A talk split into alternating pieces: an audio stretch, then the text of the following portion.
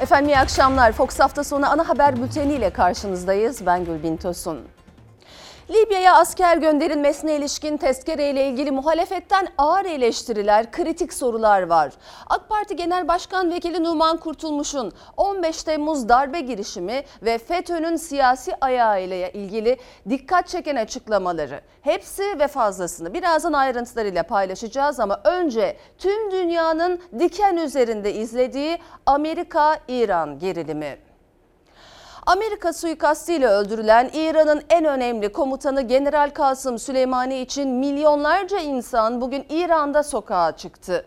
Efsane komutanın cenaze töreninde Amerika'ya öfke vardı. Sık sık intikam sloganları atılırken İranlılar suikast kurbanı komutanlarına ağladı. Eyvah iki tane neyze mizane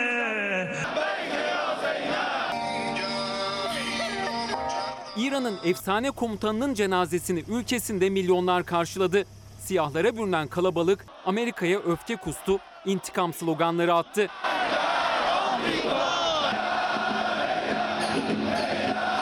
Tahran'ın son 10 yılda Orta Doğu'da attığı adımları yöneten General Süleymani, Amerika'nın hava saldırısıyla öldü. İran Devrim Muhafızları Ordusu'na bağlı Kudüs gücü komutanı olan Süleymani için ilk tören Irak'ta, başkent Bağdat'ta yapıldı. İranlı komutanın cenazesi kamyonetle Şiiler için önemli olan türbelere götürüldü. İran'ın yaşayan efsanesi kabul edilen General Süleymani'nin naaşı daha sonra helikopterle Kerbela ve Necef'e taşındı. Şiilerin kutsal türbelerinde dolaştırıldı. Cenazeyi binlerce kişi karşıladı. Dualarla birlikte intikam yeminleri edildi. Süleymani'nin cenazesi bu sabah İran'ın güneybatısındaki Ahvaz kentine götürüldü. Yine yüz binlerce kişi Kasım Süleymani'nin naaşını karşılamak için sabah erken saatlerde sokağa çıktı. Yolları, köprüleri, meydanları doldurdu. İranlı komutanın fotoğraflarını taşıyan kalabalık sık sık Amerika karşıtı sloganlar attı. Tahran yönetimine intikam çağrısı yaptı.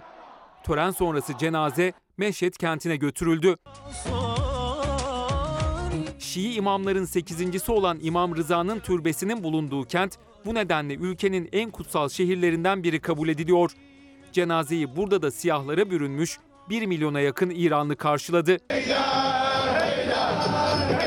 Meşhed'deki törenden sonra Kasım Süleymani'nin naaşı önce başkent Tahran'a götürülecek. Yarın başkentte yapılacak törenin ardından Süleymani Salı günü memleketi Kirman'da toprağa verilecek.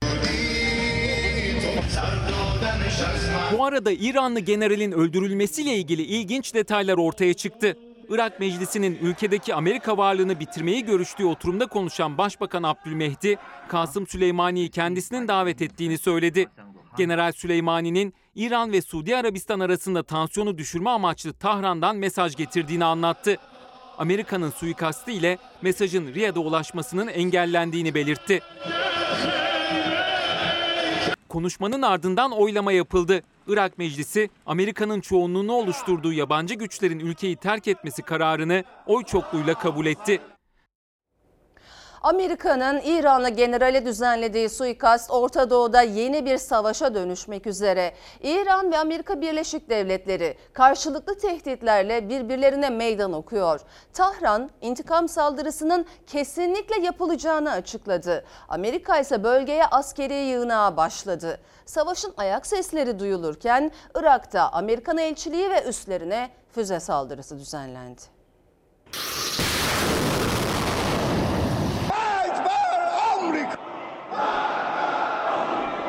General Süleymani suikasti sonrası İran parlamentosunda Amerika'ya ölüm sesleri yükseldi. İran yanlısı milisler intikam yemini etti. Irak'ta Amerikan hedeflerine saldırdı. Tahran-Washington hattında tehditler havada uçuştu. Dini lider Hamaney'in askeri danışmanı intikam saldırısının bölgedeki Amerikan üslerine yapılacağını söyledi. Pazar akşamından itibaren Irak güvenlik güçleri ABD üslerinden en az 1000 metre uzakta durmalıdır. Onlar bize saldırdı ve biz de karşılık verdik. Eğer tekrar saldırırlarsa ki bunu yapmamalarını şiddetle tavsiye ediyorum, onları daha önce hiç olmadığı kadar sert bir biçimde vuracağız. Amerika'nın İran'ın en önemli komutanı General Süleymani'yi öldürmesi iki ülke arasında aylardır yaşanan gerilimi doğrudan çatışma ihtimaline dönüştürdü. Tahran intikamda kararlı. İran yanlısı Haçlı Şabi milisleri Irak'ta büyükelçiliğini koruyan Amerikan askerlerini hedefe koyup video yayınladı. İstediğimiz yer ve zamanda askerleriniz menzilimizdedir. Sadece emirleri bekliyoruz dedi. Kasım Süleymaniye suikast ABD'nin bölgedeki varlığının sona ermesinin başlangıç noktasıdır. Onları defalarca çiğneyip geçecek güce sahibiz. Amerika Birleşik Devletleri askeri ekipmanlar için 2 trilyon dolar harcadı. Biz dünyanın en büyüğü ve en iyisiyiz. İran bir Amerikan üssüne ya da bir Amerikalıya saldırırsa bu yeni ve güzel ekipmanlardan bazılarını tereddüt etmeden onlara göndeririz. Gerilim tırmanırken dünyayı alarma geçiren ilk saldırı haberi geldi. Başkent Bağdat'ta Amerika elçiliğiyle üssü yakınlarına roket ve füze saldırısı düzenlendi. Can kaybı yoktu, 5 kişi yaralandı. Bunu Amerika kontrolündeki Beled askeri üssünü hedef alan füze saldırısı takip etti. Saldırıların hemen ardından Amerika'nın geçtiğimiz hafta bombaladığı İran destekli Hizbullah tugaylarından tehdit geldi. Örgüt, Irak askerlerinden Amerikan üslerine en az bir kilometre uzakta konuşlanmalarını istedi. Bir tehdit mesajı da İran'dan yükseldi. Devrim muhafızları bölgede 35 Amerikan üssünün hedefte olduğunu duyurdu. İsrail'in başkenti Tel Aviv'in de listede yer aldığını açıkladı. Yanıt Amerika Başkanı Trump'tan geldi. Eğer İran saldırırsa İran ve İran kültürü için 52 hedef belirledik. 52 rehineyi temsilen 52 hedefi vururuz. Trump korkakça işlediği terörle uluslararası hukuku tüm boyutlarıyla ihlal etmiştir. Şimdi uluslararası hukuku bir kez daha ihlal etmekle tehdit ediyor. Kültürel alanları hedef almak savaş suçudur. Trump gönderme yaptığı 52 rehine ile 1979'da Tahran'da öğrencilerin işgal ettiği Amerikan elçiliğindeki rehineleri hatırlattı.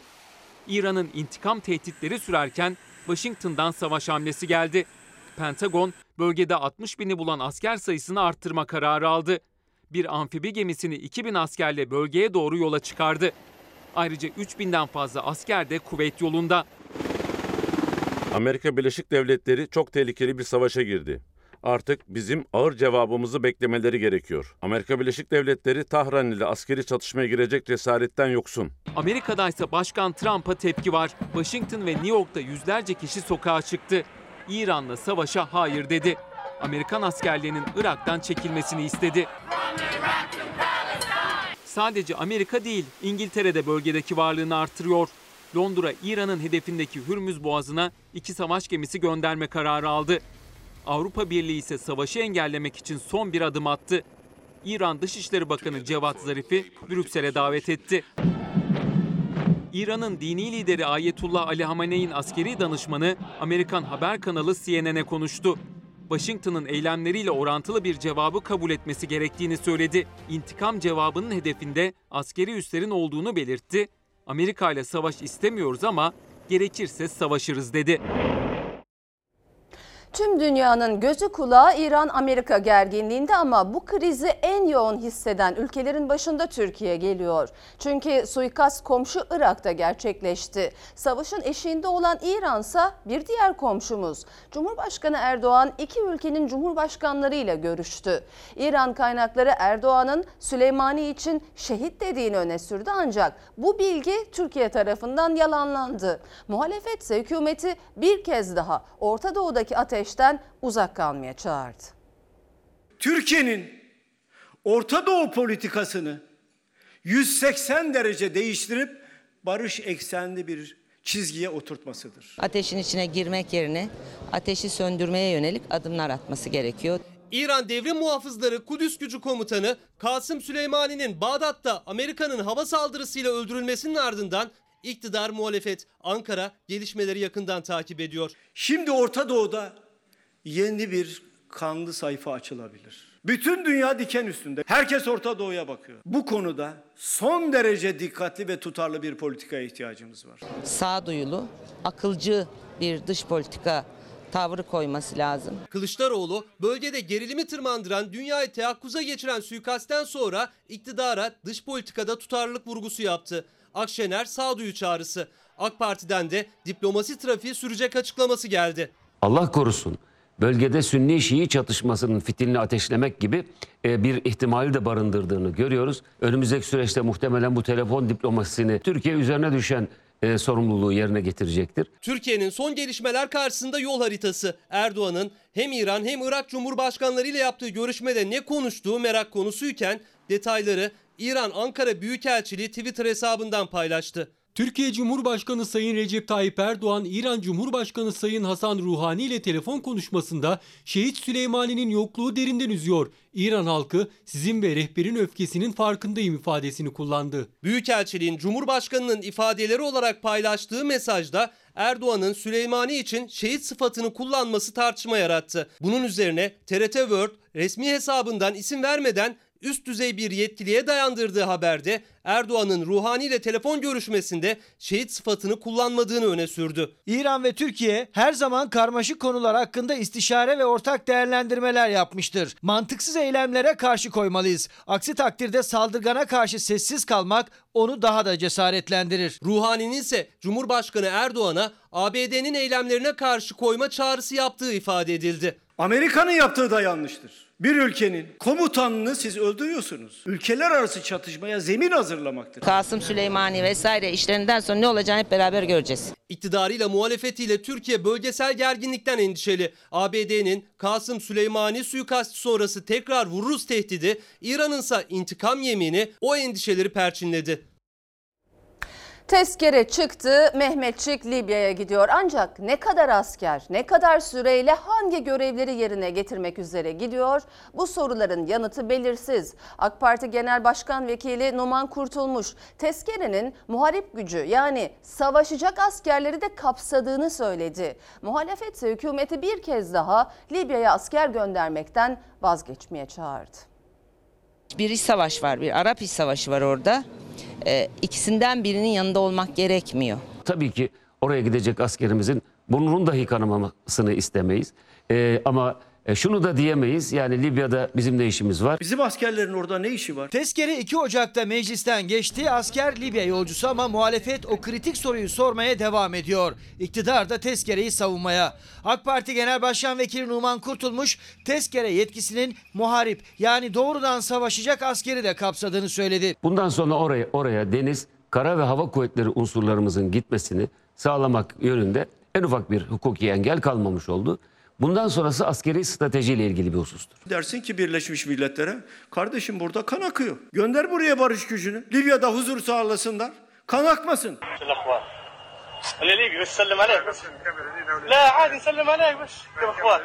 Ben de gördüm.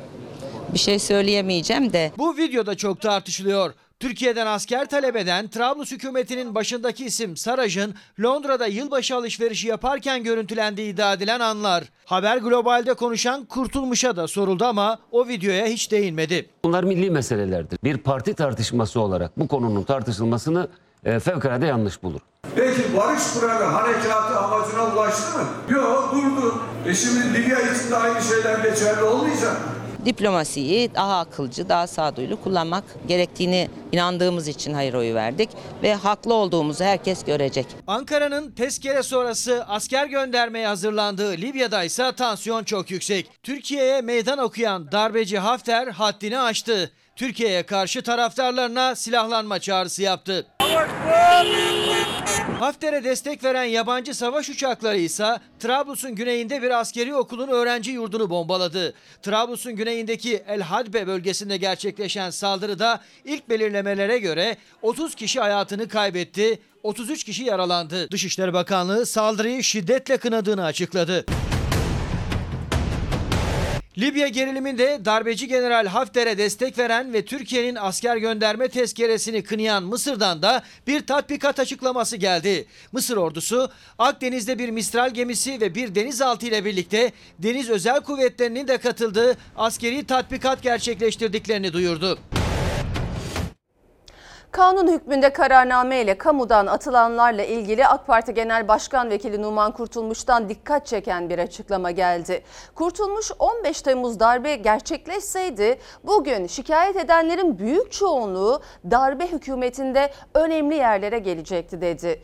Kurtulmuş FETÖ'nün siyasi ayağıyla da ilgili siyasetin içine girmedikleri düşünülemez dedi ama o isimlerin kimler olabileceğini söylemedi.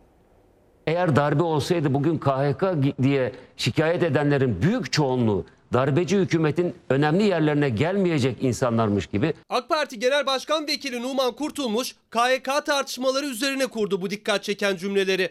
KYK mağduriyeti eleştirilerine yanıt verirken KYK ile ilgili şikayet edenler, gözyaşı dökenler darbe gerçekleşseydi darbeci hükümette önemli görevlere geleceklerdi imasında bulundu. KHK meselesinde konuşanlara da hiç 15 Temmuz olmamış gibi bunların üzerinden gözyaşı dökmek, bunlara bir takım böyle ağıtlar yakmanın da son derece yanlış olduğu kanaatinde. evime temizlik yapmaya gelen daire başkanlığından ihraç edilmiş bir kadını gördükçe ben yerin dibine geçiyorum. KHK bir faciadır. Binlercesi görevlerine iade edildiler. Bir kişinin örgüte bağlı olması ve bu örgütün de devlet düşmanı bir örgüt olması başka bir şey. Kurtulmuş isim vermedi ama sözleri KYK ile kamudan ihraç edilenlerle ilgili Cumhurbaşkanlığı Yüksek İstişare Kurulu üyesi Bülent Arınç'ın siyaseti dalgalandıran açıklamalarını hatırlattı. yanlış uygulamalardan mağdur olanların çektiği ızdırabı anlatmak için kullandığım bir cümledir. Arınç KHK faciadır sözlerinden sonra Erdoğan başkanlığında gerçekleşen Yüksek İstişare Kurulu toplantısından sonra geri adım atmış, sözlerine açıklık getirmişti. KHK tartışması bu kez AK Parti Genel Başkan Vekili Numan Kurtulmuş'un dikkat çeken ifadeleriyle gündeme taşındı. Eğer darbe olsaydı bugün KHK diye şikayet edenlerin büyük çoğunluğu darbeci hükümetin önemli yerlerine gelmeyecek insanlarmış gibi bunların üzerinden gözyaşı dökmek, bunlara bir takım böyle ağıtlar yakmanın da son derece yanlış olduğu kanaatinde. Kurtulmuş'un gözyaşı dökenler, ağıt yakanlar diye kimi kastettiği bilinmiyor ama KHK tepkisinde darbe gerçekleşseydi darbeci hükümetin önemli kademelerinde yer alacaklardı iması dikkat çekti. Katıldığı programda FETÖ'nün siyasi ayağı sorulduğundaysa verdiği bu önemli bilgiyi de ima ettiği o isimleri de hiç dillendirmedi. Siyaset içerisinde girmemiş olması düşünülemez. FETÖ'nün siyasi ayağı eğer burada kimin herhangi bir bilgisi varsa e, bunun ilgililerle e, başta tabii ki Cumhuriyet Başsavcılıkları olmak üzere paylaşılması lazım. Eski Ankara Büyükşehir Belediye Başkanı Melih Gökçek istifa ettiği günden beri farklı tartışmalarla gündemden düşmedi. Bu kez de istifasından sonra kullanmaya devam ettiği lüks cipin otobandan kaçak geçiş ücreti belediyeye gitti. Mansur Yavaş Gökçek ödemiyor, ceza belediyeye geliyor diye tepki gösterdi. Bindiği aracın ya önce kurallara uyması lazım. Hem kurallara uymayıp hem de e, ihlal edip cezasına belediye ödettirmesi şık bir davranış değil. Eski Ankara Büyükşehir Belediye Başkanı Melih Gökçek belediyeye iade etmediği lüks cipin otoban kaçak geçiş cezasını belediye göndermesiyle gündemde bu kez de. Mansur Yavaş tepkili. Görevli arkadaşlar da kendilerine göndermişler bunu ödeyin diye. Ben para falan ödemem demiş. Yavaş gelen cezayı Gökçe'ye gönderdik ödemedi dedi. O ceza yeni tebliğ edildi. Tarihleri 2018 yılına ait. 3 adet lüks cipin Mansur Yavaş belediye başkanı seçildiğinde Gökçek'in kullanımında olduğu ortaya çıkmıştı.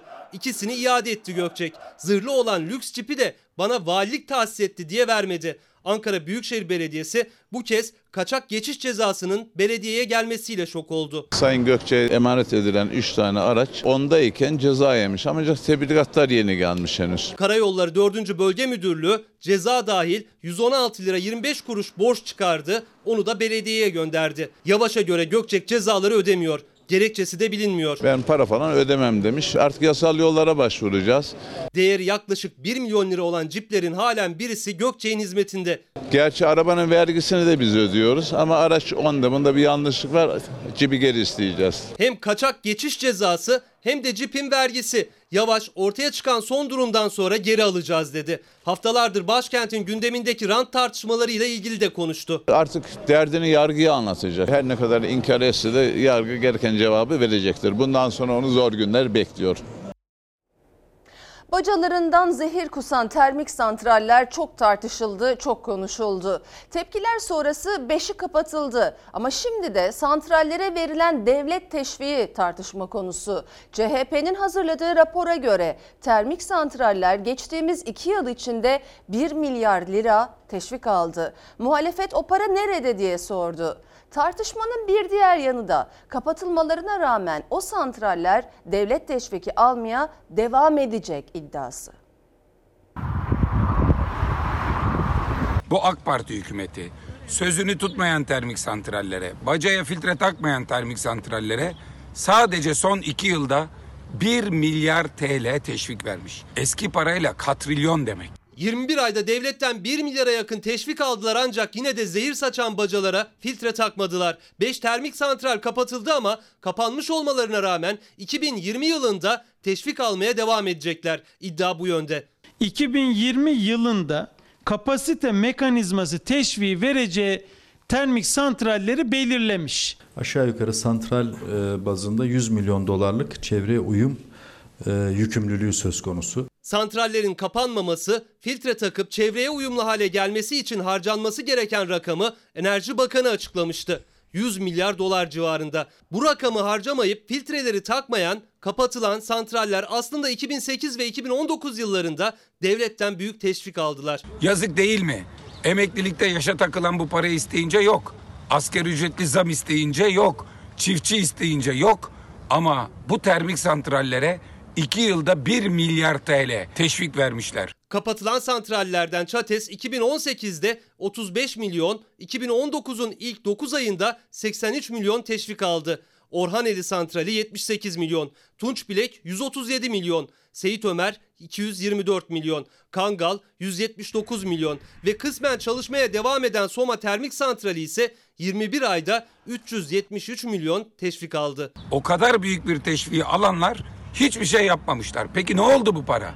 Nereye gitti bu paralar? Kapatılan santraller 2018 yılında toplam 326 milyon, 2019'un ilk 9 ayında ise 777 milyon teşvik almalarına rağmen filtreleri takmadı. 5'i mühürlendi ama CHP kapanan 5 santralin 2020 yılında da teşvik almaya devam edeceğini söyledi. Hem kıyak hem de bir tercih. Bu halkın sağlığını değil, bu lobilerin çıkarlarını düşünmek üzere te- e, yapılan bir tercih. TİH yani Türkiye Elektrik İletim Anonim Şirketi Aralık ayında daha santraller kapanmadan 2020 yılında teşvik alacak santralleri listelemişti.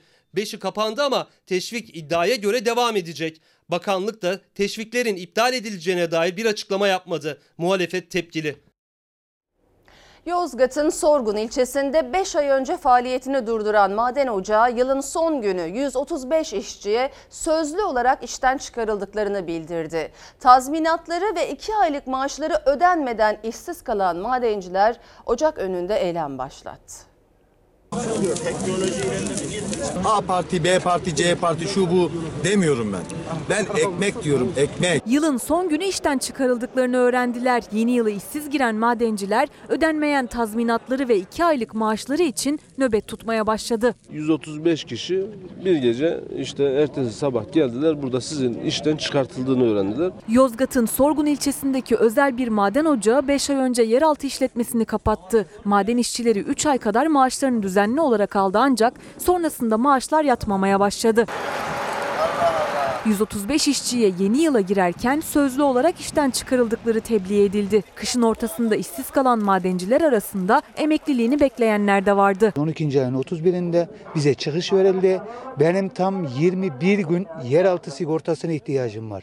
21 gün yeraltı sigortam olduğu zaman emekliyim. İşçiler maden ocağının önünde eylem başlattı. Sorgun Belediyesi'ne giderek belediye başkanı Mustafa Erkut Ekinci ile görüştüler. Ekinci de şirket yetkilileriyle irtibata geçti. 135 işçi mağdur edilmeyecekleri yönünde söz aldı ama henüz somut bir gelişme yaşanmadı. Biraz tedirginiz. Niye tadırdınız? Hani söz uçar, yazı kalır hesabı vardır ya. Şu anda sözlü söylemlerde herhangi bir sıkıntı yok. Ama bunun yazılıya geçmesi lazım. İşçiler yılbaşından bu yana seslerini duyurmaya çalışıyor. Son olarak yeni bir grup işçi daha aralarına katıldı. Gece de aynı noktada olacaklar. İşçiler alacakları ödeninceye dek eyleme devam etmekte kararlılar. Kışın ortasında beni kapının önüne bırakmasınlar. Perşembe günü Aydın Çine'de işveren ihmali nedeniyle ölümcül bir hastalığa yakalanan ve bir de işten kovulan madencilerin dramını ekrana getirmiştik. O madencilerin çilesi bitmiyor. Çünkü seslerini asıl duyması gerekenler duymadı ama işveren duydu ve iddiaya göre bulabildikleri işlerinden de oldular. Benim gibi madenci arkadaşlarım yıllarca maden ocağında çalışıyorlar. Tozlu topraklı ortamda ciğerlerini bitiriyorlar. Yaşım 42 yaşındayım. Aynı ihtiyar insanlar gibiyim. İki tane çocuğum var. Biri 12 yaşında, biri 13 yaş, işi 3 yaşında. Aynı ihtiyar adamlar gibi bir halim var. Yani maden sektörü aynı bu şekilde beni bu hale getirdi. Kimi şiiriyle, kimi gözyaşlarıyla dile getirmişti yaşadıkları ihmali acıyı. Çineli maden işçileri çalışma koşullarına uygun maskeler verilmediği için bu toz bulutunun içinde silikozise yakalandı. Ölümcül akciğer hastalığına yakalandıklarını da işten kovulunca öğrendiler. Uğradıkları haksızlığı Fox Haber'e anlatan işçiler iddialarına göre şimdi de maden şirketinin yöneticileri tarafından tehdit ediliyor. Doktor dedi ki sen dedi hastası silikozis hastası var dedi. Şok oldu. İşçilere verilmesi gereken sulu sistem oksijenli maske. Oysa onlar boyacı maskesi kullanıyordu. Bin liralık maskeler verilmediği için Aydın Çine'de madenlerde çalışan onlarca işçi gibi onlar da ciğerlerine yerleşen tozlar nedeniyle silikozise yakalandı. Hastalık şirkette yapılan periyodik kontrollerde ortaya çıktı. İddialarına göre hasta oldukları söylenmedi bile. Başka gerekçelerle işten çıkarıldılar. Halimi görüyorsunuz. Bu şekildeyim yani. Yani durum hiç iyi değil yani. Vay. Yani nefes darlığı tutun. Yani çok zor yani. Sabahlara ön sürük. Çok rezil bir hayat yaşıyoruz yani. Tedavisi olmayan bir hastalığın pençesinde ölümü beklerken yaşadıkları sıkıntıları, uğradıkları ihmali Fox Haber'e anlattılar. İddialarına göre onları hastalıklarını bile söylemeden işten çıkaran patronlar haklarını aradılar diye tehdit etti. Biri sigortasız çalışmak karşılığında iş bulmuştu. O işten de çıkarıldı. Yani işten çıkaran patron duydu seslerini ama yetkililer hala duymadı. Bir kez daha çaresizliğe itildiler. Trafik polisi Fethi Sekin 3 yıl önce bugün İzmir Adliyesi'ne bombalı saldırı düzenlemek isteyen teröristleri durdurmak için canını feda etmişti. Kahraman şehit Elazığ'ın Baskil ilçesinde mezarı başında anıldı. Ben polis memuru Fethi Sekin. Ben görevimin başındayım. Ben polis memuru Fethi Sekin. Görevimin başındayım. Mermisi bitene dek tek başına çatıştı. Canını vatan uğruna gözünü kırpmadan feda etti. Onlarca hayatı kurtardı. İzmir Adliyesi'ne yönelik bombalı saldırıda şehit düşen trafik polisi Fethi Sekin, şehadetinin 3. yılında mezarı başında anıldı. Fethi nasıl sun mermisine kadar bu vatanı savunduysa bizler de kanımızın son damlasına kadar bu cennet ülkeyi edebiyan yaşatıp daha da güzelleştirme, iyileştirme and içtik. 5 Ocak 2017'de PKK'lı teröristler İzmir Adliyesi'ni hedef aldı. Bombalı bir araçla adliyenin C kapısına yöneldiler. Teröristleri ilk fark eden trafik polisi Fethi Sekin oldu.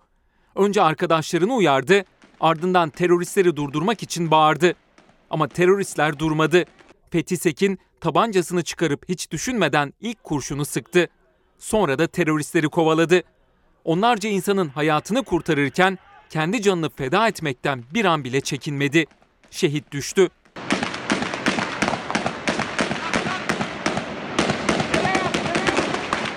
Saldırıda adliye çalışanı Musa Can da şehit oldu.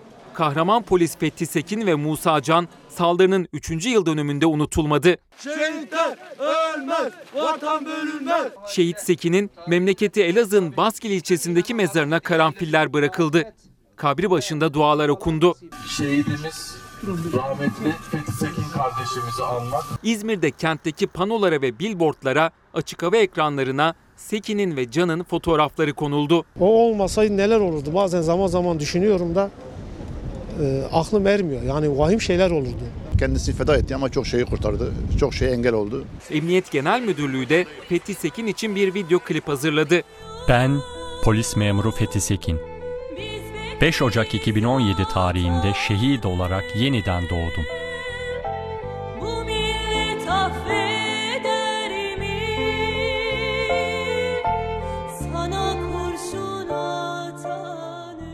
Kahraman şehit için yarın da İzmir Adliyesi'nde büyük bir anma töreni düzenlenecek. Aralık ayı enflasyon rakamlarının açıklanmasıyla birlikte memur ve memur emeklisinin maaşını alacağı zam oranı belli olmuştu. %5,49 zam alan memurun alım gücü de yıllar içinde asgari ücretliye yaklaşıyor. Uzmanlara göre yıllar içinde memur maaşıyla asgari ücret arasındaki makas kapanacak. 2015 senesine bakarsanız bundan 5 sene evveline en düşük memur maaşı asgari ücretin 2.2 katıymış. Bugün en düşük memur maaşı asgari ücretin sadece 1.7 katı. Yıllar içinde aradaki fark gittikçe azaldı. En düşük memur maaşı asgari ücrete yaklaştı. Fark 1676 lira oldu. 5 yıl önce asgari ücretin 2.2 katı olan en düşük memur maaşı son yapılan zamlarla 1.7 katına kadar indi. Memur maaşı böyle artıyor, asgari ücret böyle geliyor. Aradaki makas da kapanıyor. Kapanıyor. Aralık ayı enflasyonunun açıklanmasıyla kamu çalışanlarının zam oranı belli oldu. İlk 6 ayda alacakları %4'lük zammın üzerine %1,49'luk enflasyon farkı eklendi. En düşük memur maaşı 4 bin lira oldu. Asgari ücret ise yapılan %15'lik zamla birlikte 2324 liraya çıktı. Enflasyonun yüksek seyrettiği yıllarda ister istemez asgari ücret daha yüksek zam alıyor. En düşük memur maaşıyla asgari ücret arasındaki fark 1676 lira oldu. do Fark 5 sene önce 1165 liraydı. Ancak 5 yıl öncesine göre tüketicinin alım gücü düştü. Bugün en düşük memur maaşının alım gücü 5 yıl öncesinde kalsaydı 4000 lira değil 5112 lira olacaktı. Enflasyon yüksek seyrettiği sürece ve memur maaşları, memur emeklisi maaşları enflasyona endeksli hale halde kaldığı sürece aslında bir zam alıyorlar ama enflasyon o zammın hep üstünde çıktığı için aslında enflasyon kadar zam alıyorlar. Özel sektör çalışanları için de durum farklı değil. Üstelik böyle giderse aradaki makas daha da kapanacak. Yani yakında özel sektör kamu ayrımı olmaksızın neredeyse herkes, hepimiz asgari ücrete çok yakın miktarda maaş alıyor olacağız. Aradaki makasın bu denli az olmaması için uzmanlara göre asgari ücretli çalışan sayısının da az olması gerekiyor ancak SGK'nın son paylaştığı verilere bakacak olursak Türkiye'de asgari ücretli çalışan sayısı %40'ın da üzerinde. Bir de buna asgari ücretin hemen üstünde ve altında maaş alanlar eklenince bu oran %80'lere dayanıyor. Yani 20 milyon insandan bahsediyoruz. Şimdi 20 milyon insanın maaşı asgari ücret civarında olduğu zaman e, hepimizin gözü asgari ücret zammında oluyor. Dolayısıyla hükümetler de ister istemez oraya daha yüksek zam yapmak zorunda kalıyor. Enflasyon kira artış oranlarının da üst sınırını belirliyor. Açıklanan 12 aylık enflasyona göre ev ve iş yeri sahipleri kiralara en fazla %15,18 oranında zam yapabilecek. Ama pek çoğu bunun gerçekçi olmadığının farkında. Çünkü kiracıların maaşlarına o kadar zam gelmedi. 1000 liralık bir evde 151 liralık bir artış yapılacak. Yani yeni kira bedeli 1151 lira olacak. Bence yüksek. Tabii ki yüksek. Ödeyebilir misiniz bu zamlı kirayı? Zor. Konuşacağız. Ne diyeceksiniz? Yani ona göre zam yapsın isteyeceğiz yani. Kiracılar tedirgin, ev sahipleri hesap yapıyor. TÜİK Aralık ayı enflasyon rakamını 11,84 olarak açıkladı ama kirada zam hesabı 12 aylık ortalama üzerinden yapılıyor. O da %15,18. Ev sahipleri en fazla bu oranda zam yapabilecek ama birçoğunun önceliği kiralarının düzenli ödenmesi. Ücretler malum Türkiye'de, işsizlik malum. Siz bu oranı kiraya yansıtır mıydınız? Yok düşünmüyoruz. Böyle bir şey düşünmüyorum ki. Çocuklar zaten bazen işleri var bazen yok. Yüksek bir kira belirleyip birkaç ay evi boş tutmaktansa veya 3. 4. ay kiracı ödemiyor diyor peşinden gezmektense aldığı kira çok daha makbul. Bu ay sözleşmesini yenileyecek olan bir ev sahibi bu oranda zam yaparsa 1000 liralık ev 1151 liraya çıkacak. Ama özellikle İstanbul ve Ankara gibi büyük şehirlerde ev sahipleri de bu rakamı yüksek buldu, daha gerçekçi oranlar belirlediler. Bu sene ne kadar zam yapacaksınız kiracınıza? Yani %15'lik bir gelir artışı olmadığı için insanların %15'lik bir kira artışı da çok e, mantıklı olmayacaktır, adil olmayacaktır. 3000 lira 2 artı 1 deprem sonrası bir dairenin fiyatı var. İstanbul'da Eylül ayında yaşanan 5,8'lik depremde kiracıları daha az katlı ve yeni binalara yöneltti. Ama bu da yine zam olarak döndü. Tabii eğer ev sahibi bu oranda zam yapmayı göze alabilirse 3 bin lira ve üstündeki evler için bu rakam yaklaşık 500 lira. Deprem sonrası yapılmış yeni bir binada oturmanın bedeli 3 bin liraya kadar çıkıyor. Eğer ev sahipleri üst limitten zam yaparsa alırsa yeni kiraları 3500 lira olacak. Ayda 3500 lira ödeyecek 3000 yerine. Bu da hemen hemen bir kredi taksidini ödeyecek rakam. Peşinatı olan ve uzun süre borçlanmayı göze alabilen kiracılar yüksek kira ödemek yerine banka kredisi ödeyip ev sahibi olma ihtimalini değerlendiriyor. Risk almak istemeyenlerse daha ucuz bir eve taşınmayı düşünüyor. Bu yüzden ev sahipleri evin boş kalmasını tercih etmiyor. Benim için e, istikrar önemli. Kirasını düzenli ödesin. Söyleyeceğiz onu. Ne diyeceksiniz? ne kadar indirim yapabilirseniz yapın diyeceğiz yani. İstanbul Üniversitesi öğrencileri yemek zammına karşı günlerdir ayakta. Okulda zamlı yemeğe karşı çıkan öğrenciler dışarıda da zamdan şikayetçi. Çünkü onların tek bir kuruşu çok değerli.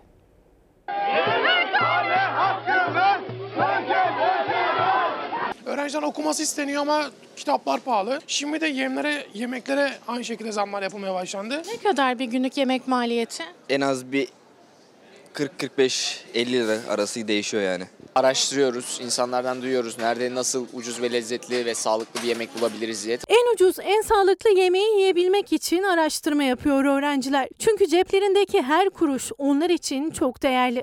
İstanbul Üniversitesi öğrencileri de işte bu yüzden günlerdir ayakta. Kahvaltı öğünleri kaldırıldı. Bir öğünleri de 3,5 lirayken 5 katına çıktı, 18,5 lira oldu. Okulda ucuz yemek yiyebilmek için seslerini yükselten öğrencilerin en büyük maliyetlerinden biri yemek. Özellikle ailelerinden uzakta olanlar için. Haftada 3 gün okula 4 gün işe gidiyorum. Evden bir şeyler yolladı mı annen? 20 günde bir zaten yolluyorlar sürekli kargo ile işte ne bileyim makarnadır, işte eriştedir, tarhanadır falan. Poğaça ile meyve suyu yedim. Yani birazdan da işe gidiyorum zaten 15 dakikam var. 2 lira e, meyve suyuna verdim. 2 tane de açma yedim. 2'şer lira da onlara verdim. 6 lira e, sabah kahvaltım sadece. Kahvaltı olarak tost diyorum her gün okula geldiğimde. Sadece tost mu? Tostla çay işte 7,5 lira tutuyor. Sadece tostla yapılan bir kahvaltı bile 7,5 lira. Öğle yemeğinde yenilen ekmek arası döner 15 lira. Akşam yemeği de aynı şekilde olursa bir öğrencinin günlük yemek masrafı 40 lira tutuyor. İşte bu yüzden birçoğu okuyabilmek için çalışmak zorunda. Aileniz bir şey gönderiyor mu evden? Yiyecek içecek. Özellikle bu zamanlarda çok sık gönderiyor yiyeceklerimizi. Ne gönderiyorlar size? Genel olarak et gönderiyorlar. Öğrenciyseniz yemek işi çok zor. Biz de Kamil ve Enes'le oturduk sofraya. Onlar ev yemeklerine hasret kalmışlar. Bu yüzden de sulu, sıcak yemekleri tercih ettiler. Menüde patatesli, etli sulu yemeğimiz var, bulgur pilavı var, pirinç pilavı var. Ne kadara mal oldu Enes? Ee, 15.75 az köfte ve pirinç pilavı ve ayran bir öğünüm 15.75'e mal oldu. Toplam ortalama 45-50 lira civarına denk geliyor bir öğrencinin bir günlük yemeği. Yani genel olarak böyle esnaf lokantalarını tercih ediyoruz daha çok. Ne kadarmış toplam? Hmm, 5 lira olması lazım. Döner 15 desek 20. Bunun da 25'e yakın bir miktar. Benim sadece e, döner ve ayran var. O da 20 lira falan yapıyor. Pilav 8 lira. Ama herhangi bir yerde başka bir yerde yemeye çalıştığımız zaman bu 12-13 liraya kadar da çıkabiliyor. O yüzden şikayetçiyiz. Sadece bir porsiyon pilav bile 8 lira. O da tavuksuz. Ucuz diye öğrencilerin tercih ettiği tavuk döner de mecburen menüden çıktı. Tavuklara da güven yok. Nereden geldiğini bile bilmiyoruz. Ve yeni yılda ne yazık ki zam üzerine zam haberi veriyoruz. Bu haber de yeni geldi. Arkamda görüyorsunuz. İstanbul'da simitler 2 lira oldu. Simitin fiyatı 2 liraya çıktı. Nedeni de un ve susamdaki fiyat artışı diyelim ve devam edelim. 13 yaşındaki ortaokul öğrencisi Dilvin, yüksek ateş ve karın ağrısı şikayetiyle kaldırıldığı özel hastanede iddiaya göre yanlış iğne sonucu yaşamını yitirdi. Dilvin'in dedesi torununa 18 yaşından küçüklere uygulanmaması gereken bir iğnenin yapıldığını öne sürdü. Ailenin şikayeti üzerine kız çocuğunun cenazesine otopsi yapıldı. Hastane iddialar karşısında sessiz. Şimdi Adli Tıp Kurumu'ndan gelecek rapor bekleniyor. 15-20 dakika sonra doktor çıktı, çocuğun nefesi kesildi dedi. 5 dakika sonra ço- çıktı, çocuğun kalbi durdu dedi.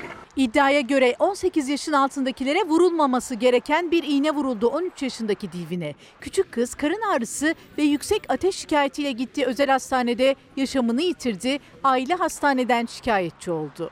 Nefesini kese, bu iğne. Çocuk doktoru yaptırmayalım diyor. Ben hepsini öğrendim sonunda. 18 yaşında falan korunmazmış bu. Aydın'ın Nazilli ilçesinde ortaokul öğrencisi 13 yaşındaki Dilvin Ak 28 Aralık günü karın ağrısı ve yüksek ateş şikayetiyle ilçedeki özel bir hastanenin acil servisine kaldırıldı. Çocuğa grip teşhisi kondu. Annesi diyor ki çocuk kötü, serum falan yapıverin diyor. Buranın ortamını göremiyorum diyor. Yatacak yeri yok, kalkacak yok. Her taraf dolu diyor. Sen nereye yatırın diyor. İddiaya göre acil serviste yer yoktu. Dilvin ilaç yazılıp evine gönderildi ancak durumu giderek kötüleşti. Dilvin 3 gün sonra yılbaşı akşamı yeniden aynı özel hastaneye götürüldü. Ayakta duramayacak haldeydi. Baygınlık geçirip kusmaya başladı. Çocuğa 4 tüp serum tedavisi uygulandı. O arada çocuk gelip devamlı böyle karnım kurtarın beni karın. Kes sesini be dedi. Hastaneye ayağa kaldırdın diyor. Dedesi Servet Akoğlan'ın iddiasına göre doktorlar Dilvin'in çığlıklarını psikolojik diyerek geçiştirdi. Cerrah diyormuş ki hiçbir şey yok. Psikolojik bu. Belirli periyotlarla bağırıyor. Bunda hiçbir şey yok. İğne yapalım diyor. Çocuk doktoru nefesini keser diyerek karşı çıktı ama o iğne cerrahın isteğiyle yapıldı. Dilvin iğnenin ardından daha da kötüleşti, yoğun bakıma alındı, kısa bir süre sonra da kalbi durdu. Sen dedim akşamdan beri buradayız. Her şey temiz, her şey temiz diyorsun. 10 dakikada la çocuğu öldürdünüz kalpten nasıl bilmezsiniz siz bunu dedim. Aile kızlarının ölümü sonrası doktorlardan şikayetçi oldu. Dede Servet Akoğlan torununa 18 yaşından küçüklere uygulanmaması gereken bir iğnenin yapıldığını öne sürdü. Kız çocuğunun cenazesine otopsi yapıldı. Ne bağırıyorsun hastane razı kes sesini dedi ya. Sesini komple kestiler yukarıda. Ben bunu iddia ediyorum. Adli Tıp Kurumu'ndan gelecek otopsi raporuna göre hastane hakkında soruşturma açılıp açılmayacağı belli olacak. Telefonları çaldı. Arayan kişi ihtiyacınız olan organ bulundu. Nakil için hazırlanın diyordu. Sevinçle gittiler ama sonu hüsran oldu. Aynı kişiden organ alan 3 hastadan ikisi öldü. Birisi ise yoğun bakımda savaş veriyor. Çünkü iddiaya göre organları verilen donörün hastalığı onlara da bulaştı. Annem de diyor yürüyerek getirdik buraya cenazesini alacağız neredeyse diyor. Yürüyerek geldikleri hastaneden iki hastanın cenazesi çıktı. Diğer hastaysa yoğun bakımda ölüm kalım savaşı veriyor. İddia korkunç. Üç hastaya organları verilen donörün menenjit olduğu, iltihabın nakledilen organlara da sıçradığı öne sürülüyor. Menenjit şüphesiyle yoğun bakıma alınmış babam. Böbreğin çalıştığını söylüyorlar ama orada ne varsa o bir şekilde bir beyine bir e, ulaşmış ve beyin sıvısı tıkanmış. Eşinden şiddet gören günlerce ahırda tutulan Filiz Tekin beyin travması geçirdi. Menenjite yakalandı ve hayatını kaybetti. Tekin'in organları Ege Üniversitesi Hastanesi'nde 3 farklı hastaya nakledildi. O hastaların üçü de aynı anda ağırlaştılar, yoğun bakıma kaldırıldılar. Karaciğerin nakledildiği Münire İnanç nakilden 20 gün sonra yaşamını yitirdi. İnanç'tan bir gün sonra da böbreklerden birinin nakledildiği hastanın ölüm haberi geldi. Aynı donörden organ alan 3 hastadan yalnızca Ali Uslu hala hayatta. Ancak o da yoğun bakımda. Teker teker hepsi aynı şeyler hepsinin başına geldi. Nakil olan 3 hastanın her geçen gün daha da ağırlaşmasının sebebi donörün menenjit olması mı yoksa hastaneden kapılan başka bir mikrop mu araştırılıyor? Konu meclisinde gündeminde İyi Parti Denizli Milletvekili Yasin Öztürk, Sağlık Bakanı'nın cevaplaması için soru önergesi verdi. Ege Üniversitesi Tıp Fakültesi Hastanesi'ndense henüz bir açıklama yok. Tek talebimiz, ricamız böbrek nakli birçok e, hastanede yapılıyor ve çok iyi uzmanlar da var. Onlarla laboratuvar sonuçlarının paylaşılıp bir şekilde bir konsültasyon kurularak bir çözüm aranması. 105 yıl önceydi. Sadece düşmanla değil soğukla da savaştı binlerce Mehmetçik. Sarıkamış harekatında düşmana değil ama soğuğa yenik düştüler. Şehit olan on binlerce Mehmetçik için bugün Allahu Ekber dağlarında torunları yürüdü. Şehitler ölmez, vatan bölünmez. Unutmayın dedi Sarıkamış'ın her karışında bir şehit kanı var. Türkiye 105 yıl önce şehit düşen Mehmetçikleri unutmadı. Sarıkamış harekatı sırasında donarak şehit olan 90 bin fidan yine aynı topraklarda Allahu Ekber dağlarında anıldı. Birinci Dünya Savaşı'nda Enver Paşa komutasındaki Mehmetçik bu toprakları Rus işgalinden korumak için buradaydı. Karşısında sadece